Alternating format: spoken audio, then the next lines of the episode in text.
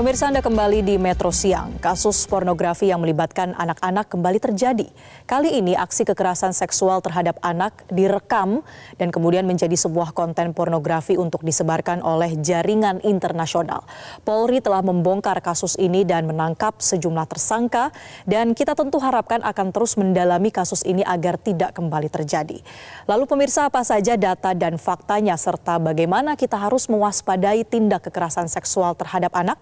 Kita simak informasinya berikut ini pemirsa kami berikan judul bahwa bongkar pornografi anak jaringan internasional. Bagaimana sebetulnya kronologi awal dibongkarnya adanya jaringan internasional ini kita lihat dalam infografis berikutnya bahwa Polri pada tahun 2023 bekerja sama dengan uh, Biro Investigasi Federal atau kita sering sebut sebagai FBI Amerika Serikat dalam sebuah satuan tugas yakni Satgas Pencegahan Kekerasan Seksual terhadap Anak atau Satgas Perlindungan Anak yang digagas oleh FBI. Dan pada saat itu pemirsa, Satgas ini menemukan adanya penyebaran konten pornografi.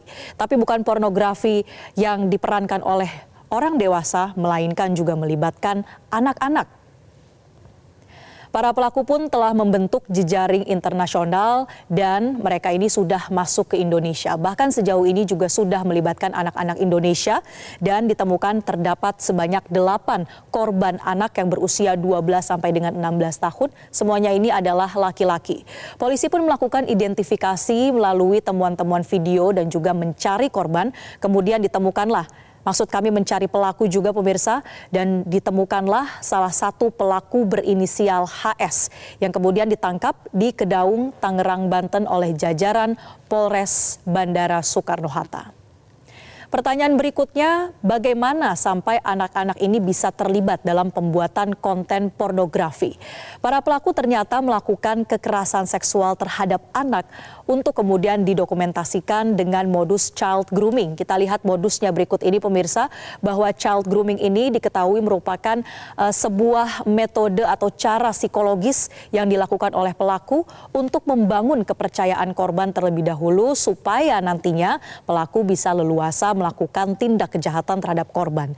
Caranya adalah dengan memberikan iming-iming berupa hadiah atau uh, dengan melalui game online. Ini ada istilah seperti skin atau gift berupa fitur-fitur yang bisa didapatkan oleh uh, seorang user game online ini supaya ia bisa bermain secara lebih jago begitu. Tentunya hal ini uh, menjadi begitu menggiurkan ya bagi anak-anak yang uh, mungkin tidak memiliki banyak uang bisa membeli gift atau skin tersebut.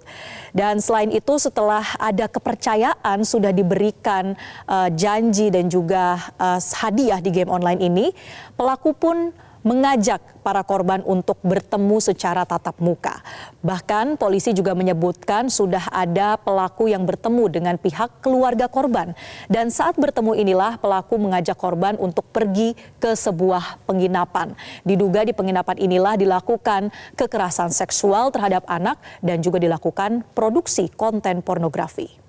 Sejak para pelaku beroperasi pada tahun 2022, pemirsa, kita lihat di sini sudah ada produksi konten yang mencapai lebih dari 1000 foto dan hampir 4000 video atau tepatnya 1245 foto dan 3870 video. Konten-konten ini kemudian dijual pemirsa bukan hanya di dalam negeri tapi juga di luar negeri karena ini sudah membentuk sebuah jaringan internasional. Harganya sendiri pemirsa ini uh, dipatok dengan harga 50 sampai 100 dolar Amerika Serikat per video untuk di luar negeri dan di dalam negeri dijual seharga 100 ribu hingga 300 ribu rupiah per video untuk di dalam negeri. Dan untuk penjualan di dalam negeri menurut polisi atau penyebarannya dilakukan menggunakan aplikasi Telegram. Kemudian bagaimana dengan para tersangka? Menurut informasi dari pihak kepolisian bahwa sudah ditangkap sebanyak lima orang tersangka. Lima orang tersangka ini mereka sudah uh, ditahan juga pemirsa dan kita lihat apa saja yang uh, dilakukan atau peran-perannya. Jadi bukan hanya para tersangka yang ada di Indonesia tapi juga ada tiga orang tersangka di Amerika Serikat.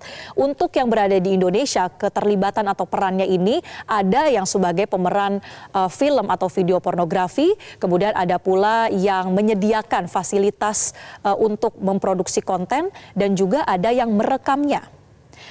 Para pelaku kemudian dijerat dengan pasal berlapis mulai dari Undang-Undang Pornografi, Perlindungan Anak, ITE, Tindak Pidana Kekerasan Seksual dan juga Undang-Undang Pemberantasan TPPO atau Tindak Pidana Perdagangan Orang. Karena kemudian kalau hal ini dilanjutkan bisa mengarah pada uh, perdagangan orang atau perdagangan anak. Ini inilah yang kemudian ditakutkan pemirsa. Dan para tersangka ini diancam hukuman maksimal 15 tahun penjara. Lalu apa yang menjadi langkah antisipasi selanjutnya yang kemudian dilakukan oleh polisi. Pertama adalah bekerja sama dengan pihak Kominfo untuk men-take down atau menurunkan konten-konten pornografi tersebut dari jejaring maya.